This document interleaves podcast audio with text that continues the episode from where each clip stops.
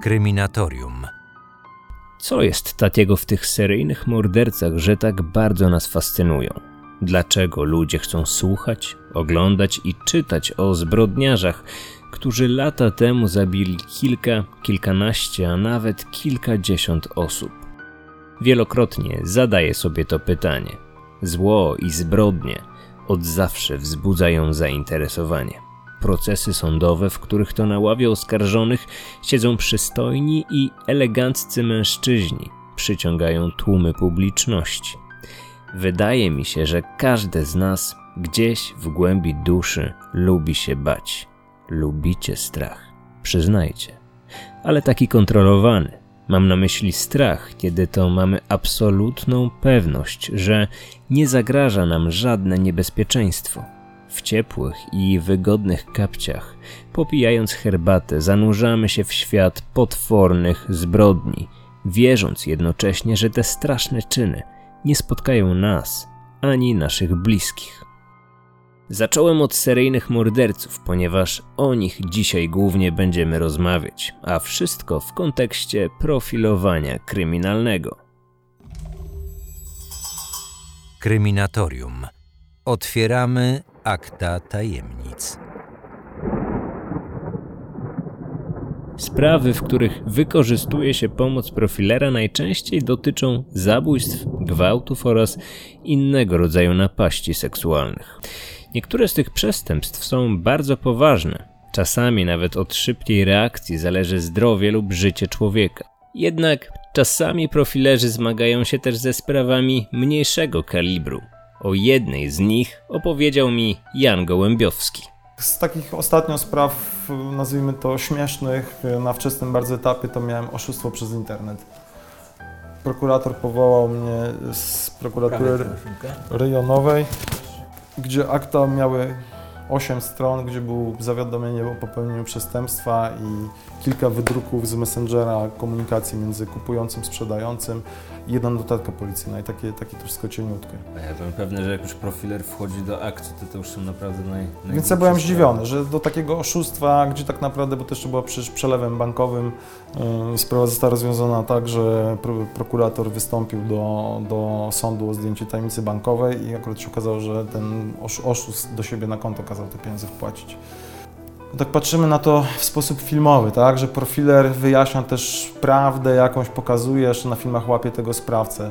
E, no tu jest też pewna procedura, tak, więc na przykład opinia biegłego, ja teraz jako, jako już podejściu e, z policji od wielu lat pracuję po prostu przy sprawach jako biegły, więc jest to opinia e, eksperta, to jest opinia procesowa, więc też ma taką jakby wartość procesową i krótko mówiąc jest pewnym rodzajem też nieraz wzmocnienia materiału dowodowego, żeby nie powiedzieć podkładką do, do, do czegoś, więc nieraz jak się patrzy na procedury prawne, to na przykład właśnie zbiera się dużo, dużo y, opinii różnych ekspertów, czy to właśnie kryminalistyków, czy medyków, czy właśnie profilerów, chociażby po to, żeby cały materiał zbudować na tyle mocno, żeby komuś przedstawić zarzuty. Tak było na przykład przy tej sprawie, tutaj jest w jednym odcinku o e, syn, który zabił ojca i mówił, że e, tak naprawdę to ich napadli i to były jakieś osoby trzecie. E, I tutaj pani prokurator wcześniej już powątpiewała w wersję tego syna, natomiast chodziło też, nieraz to nawet jest taki efekt psychologiczny w momencie przedstawiania zarzutów, tak, że się pokazuje, bo trzeba uzasadnić, czy na przykład akt oskarżenia też ma swoje uzasadnienie w sądzie. Więc rzeczywiście nieraz profil jest takim kolejnym e, obciążeniem dla, dla, dla sprawcy. Jak słyszycie, nie zawsze jest tak filmowo i sensacyjnie, jak mogłoby się wydawać. W książkach i serialach, gdy profilerzy pracują już nad jakąś sprawą, często są to zbrodnie dokonane przez seryjnego mordercę. W rzeczywistości jednak takich sytuacji jest niewiele ale mimo wszystko się zdarzają. I to właśnie takie opinie mogą okazać się najbardziej trafne.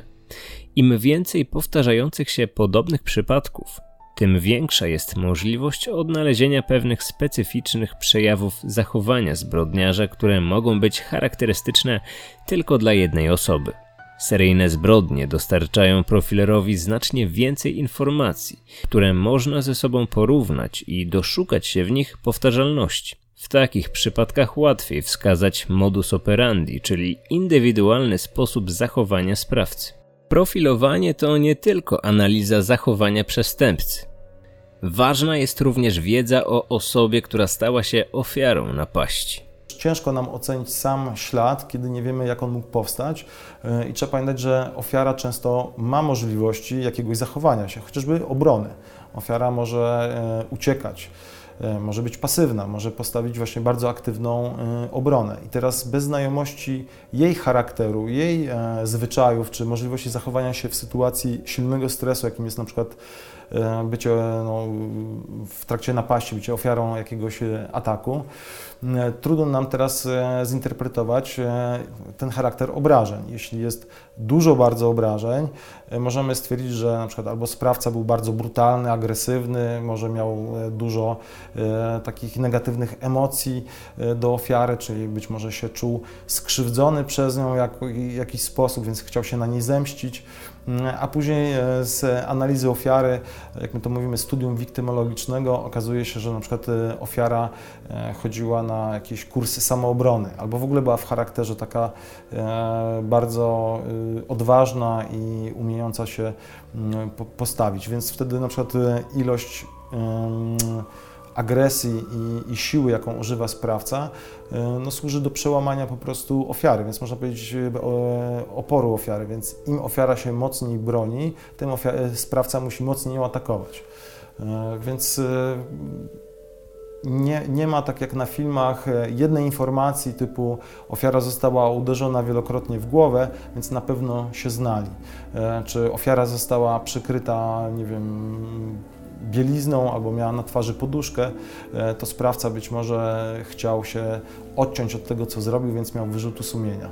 E, tu się może okazać, że e, po prostu za ścianą by mogli być sąsiedzi i ta poduszka została użyta do uciszania ofiary.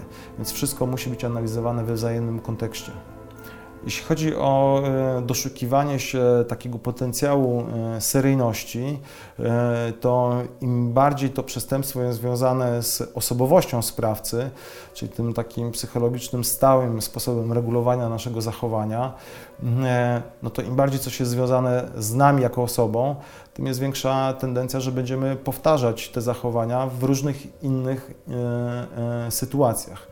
E, pewne motywacje też są e, związane z naszą osobowością i dają e, bardzo silne takie wzmocnienie psychologiczne, czy silne przeżycie psychologiczne ważne dla przestępcy, które chce przeżyć po raz kolejny. Więc na przykład w motywacji seksualnej jeśli ktoś zaspokaja swoje potrzeby seksualne tylko na drodze przestępczej e, i w ten sposób może osiągnąć e, przyjemność, e, no to będzie to ponawiał, żeby co jakiś czas tą przyjemność przeżyć. Jeśli sprawca dokonuje czynu, no tutaj na przykład zabójstwa, co jest właśnie wynika z jego konstrukcji osobowościowej, w podobnej sytuacji również może się zachować podobnie. Tutaj mam przykładem może być atak nożem na przystanku tramwajowym, gdzie w zasadzie nie było większych racjonalnych okoliczności, żeby e, podczas przepychanki, potrącenia się ramieniem przy wychodzeniu e, z tramwaju e, tak ten konflikt eskalował, żeby użyć nóż. Więc jedną z moich tutaj hipotez przy tym profilu kryminalnym sprawcy było to, że jest to zachowanie silnie związane z osobowością sprawcy. Więc w innej sytuacji konfliktowej on najprawdopodobniej zachowa się w sposób bardzo podobny. I rzeczywiście w tej sprawie e, tak było. Sprawca zaatakował e, po kilku miesiącach po raz kolejny. Tak zwany podpis sprawcy to jest takie e, dziwne jego zachowanie, które wykazuje w trakcie popełnienia przestępstwa, które nie zawsze ma racjonalne uzasadnienie. E, profilerzy wyróżniają coś takiego jak e, sposób działania, czyli modus operandi. E, to są zachowania funkcjonalne, racjonalne, które muszą doprowadzić do popełnienia przestępstwa. Natomiast część sprawców robi coś, co wcale by nie musiało, coś, co wynika z ich jakichś upodobań, potrzeb psychologicznych, no w przestępczości seksualnej, na przykład z fantazji seksualnych. I to nazywamy właśnie podpisem, czymś takim bardzo charakterystycznym, bardzo indywidualnym dla sprawcy. W przypadku hipotez o działaniu seryjnego przestępcy, oprócz analizy podobieństw w modus operandi, jeszcze bardziej szukamy, czy pojawiają się cechy podpisu takie same na tych przestępstwach, że, co mogłoby nam zasugerować, że to jest jeden sprawca. Jeszcze blisko, blisko tak zwanego podpisu sprawcy e, jest tak zwany zrytualizowany sposób działania, czyli bardzo charakterystyczne działanie e, to e, funkcjonalne. I można powiedzieć, że jak ten modus operandi się zrytualizuje, staje się takim podpisem. W odcinku o podróżniku ze sztyletem można powiedzieć, że jego atakowanie e, nożem e, w środkach komunikacji miejskiej na przystankach właśnie było takim zrytualizowanym e, modus operandi, który w pewnym sensie stał się jego e, podpisem. Dlatego też e, zwrócono uwagę na to, że mm, e, w tramwaju, w autobusie, na przystanku, na pętli jest pojedynczy, samotny mężczyzna, który wchodzi w konflikt z drugim mężczyzną i rozwiązuje ten konflikt używając nóż. Nawiązując do tematu seryjnych morderców i profilowania, chciałbym przypomnieć sprawę sprzed kilkudziesięciu lat. Kojarzycie na pewno wampira z Zagłębia. Morderca, który grasował na terenie dzisiejszego województwa śląskiego i przypisuje się mu zabójstwo kilkunastu kobiet. Gdy milicja nie potrafiła schwytać tego zbrodniarza, na początku lat 70. do Polski przyjechał jeden z najsłynniejszych profilerów w historii James Brassel. To ten gość, który przygotował portret psychologiczny przestępcy, który podkładał bomby w Nowym Jorku i przewidział nawet, że mężczyzna ten będzie mieć na sobie dwurzędowy garnitur. To jedna z najpopularniejszych anegdotek związana z profilowaniem. Brassel przygotował szczegółowy portret polskiego wampira. Jednak profil zawierał wiele elementów, które nie zgadzały się z zatrzymanym Zdzisławem Marchwickim – Analiza Brasela nie trafiła do sądowych akt. Nie zachował się również oryginał tego dokumentu. Nie ulega jednak wątpliwości, że udział tak znanego eksperta w polskiej sprawie seryjnego zabójcy był wielkim wydarzeniem i ślad po jego wizycie na Śląsku pozostanie w literaturze jeszcze na długie lata. Zastanawiam się jednak, jak wyglądałaby sytuacja w czasach współczesnych. Czy dziś przygotowany portret psychologiczny nieznanego sprawcy jest ważnym dowodem, czy jest to raczej tylko mało znaczący element, który może pomóc w śledztwie? Profil nie ma wartości e, identyfikacji indywidualnej, tak jak ma to chociażby DNA. To jest e, wartość identyfikacji grupowej. E, profil e, e, nigdy nie zawiera nie wiem, PESEL-u sprawcy, tylko jakieś wybrane charakterystyki.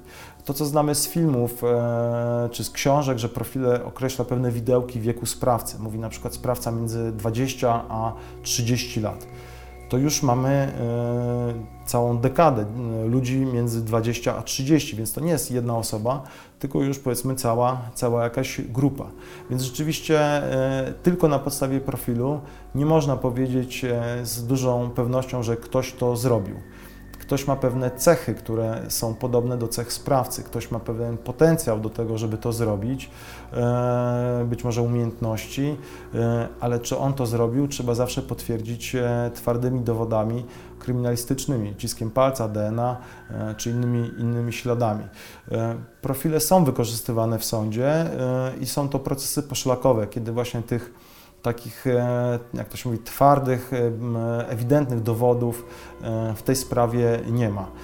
I sąd musi przyjąć jedną wersję, która jest w zasadzie granicząca niemal z pewnością, że ten oskarżony mm, jest sprawcą. Więc układa te poszlaki w jedną, tą najbardziej prawdopodobną wersję. I rzeczywiście tutaj profil może być taką poszlaką, może być takim tłem, który nada, nada pewien porządek tym wszystkim e, takim fragmentarycznym e, informacjom. Chociaż z moich doświadczeń e, większość tych procesów, które, w których był wykorzystywany profil, kończyły się uniewinnieniem oskarżonego ze względu właśnie na pewne niepewności, które są wartości dowodowej. E, chociaż ostatnia sprawa, w której robiłem profil, a wyrok skazujący zapadł we wrześniu 2018 roku, właśnie był wyrokiem skazującym w procesie poszlakowym. Mężczyzna został skazany na 15 lat pozbawienia wolności za zabójstwo swojej żony. Profil oparty jest więc na pewnych założeniach i jego hipotetyczność ujęta jest już w samej nazwie. Mówimy przecież o psychologicznym portrecie nieznanego sprawcy. Jednak w praktyce amerykańskiej profile kryminalne mają zdecydowanie większą wartość dowodową niż w Polsce. Psychologowie kryminalni ze Stanów proszeni są, aby ich profil potwierdził lub zaprzeczył modus operandi oskarżonego. Wszystko, co mówią, odbywa się pod przysięgą. Ich słowa i analizy uznawane są jako pełnoprawne ekspertyzy, które są dowodem w sądowym procesie. Zdarza się, że seryjni zabójcy inspirują się innymi mordercami, a nawet próbują ich naśladować. Czasami doniesienia medialne o działaniach jednego zbrodniarza nakłaniają do akcji innych morderców, którzy do tej pory nie atakowali. Niektórzy seryjni mordercy zbierali informacje na temat innych zabójców, aby później działać w podobny sposób. Wówczas pojawiała się rywalizacja odnośnie liczby ofiar. Amerykański zabójca, na przykład o pseudonimie BTK, był zafascynowany postacią pierwszego amerykańskiego seryjnego mordercy, Holmesa, działającego w XIX wieku. Motywacją może być chęć zdobycia złej sławy. Przestępcy chcą się zapisać na kartach krwawej i przerażającej historii. Jan Gołębiowski w swojej książce przytacza przykład Arkadiusza B., który po wieloletnim procesie poszlakowym za zabójstwo został skazany na karę dożywotniego pozbawienia wolności. Mężczyzna zabił kobietę w Warszawie. Wykazał się szczególnym okrucieństwem. Po sprawdzeniu jego komputera ujawniono, że odwiedzał strony internetowe, na których znajdowały się artykuły poświęcone tematyce seryjnych morderców. Szczególnie dużo uwagi Arkadiusz B. poświęcił na sylwetkę Jeffreya Damera, który ćwiartował zwłoki swoich ofiar w wannie. Arkadiusz, w związku z tym, że był zapalonym wędkarzem, ćwiczył takie działanie na dużym sumie. Później opisywał to na wędkarskich forach. Ciała kobiety, o zabójstwo której został oskarżony ten mężczyzna, do dziś nie odnaleziono. Jednak w instalacji hydraulicznej w jego mieszkaniu trafiono na ślady jej krwi. Czy zatem próby podejmowane na rybach dały mu tyle doświadczenia, aby ukryć ciało człowieka? Nawet jeżeli tak było, to nie wystarczyło to, aby uciec przed wymiarem sprawiedliwości. Pomimo braku ciała, mężczyzna został oskarżony o zabójstwo. Trafił za kratki. Spędzi tam pewnie resztę życia. Mówiąc o inspiracjach morderców, nie sposób nie wspomnieć o Joachimie Knechale. Wampir z Bytomia grasował na terenie Śląska w latach 70. Zabił pięć kobiet. Przykładny mąż i ojciec, przystojny górnik i niezwykle inteligentny, seryjny morderca. Jednak zanim zaczął zabijać, analizował jak robili to inni. Po zatrzymaniu Knychała ujawnił, że wielokrotnie pojawiał się na procesach Marchwickiego, czyli słynnego wampira, o którym mówiliśmy sobie kilka minut temu. Jak sam twierdził, czuł do niego odrazę, ale jednocześnie w jego głowie kłębiły się myśli, aby zacząć robić to samo. Jednak Knychała chciał być lepszy od Marchwickiego. Dzięki obecności na procesach wiedział, na co należy zwracać uwagę podczas ataku i ucieczki, aby zminimalizować ryzyko wpadki. Zawsze miał dokładny plan działania. Atakował w różnych miejscach, używał kradzionych narzędzi zbrodni, zacierał ślady, a nawet bezpośrednio po ataku unikał podróżowania komunikacją miejską, ponieważ wiedział, że to właśnie od tych środków transportu milicja zazwyczaj zaczyna śledztwo i to tam szuka się świadków. Chciał przejść do historii seryjnych morderców podobnie jak Marchwicki. Chciał, aby po latach o nim mówiono. Chciał, aby ludzie słuchali o jego czynach z wielkim zainteresowaniem i jak widać, udało mu się zrealizować ten cel. Wiedział, że nie uda mu się grasować bezkarnie do końca życia. Robił jednak wszystko, aby jak najdłużej nie pozostać schwytanym i w tym czasie dokonać jak największej liczby zbrodni.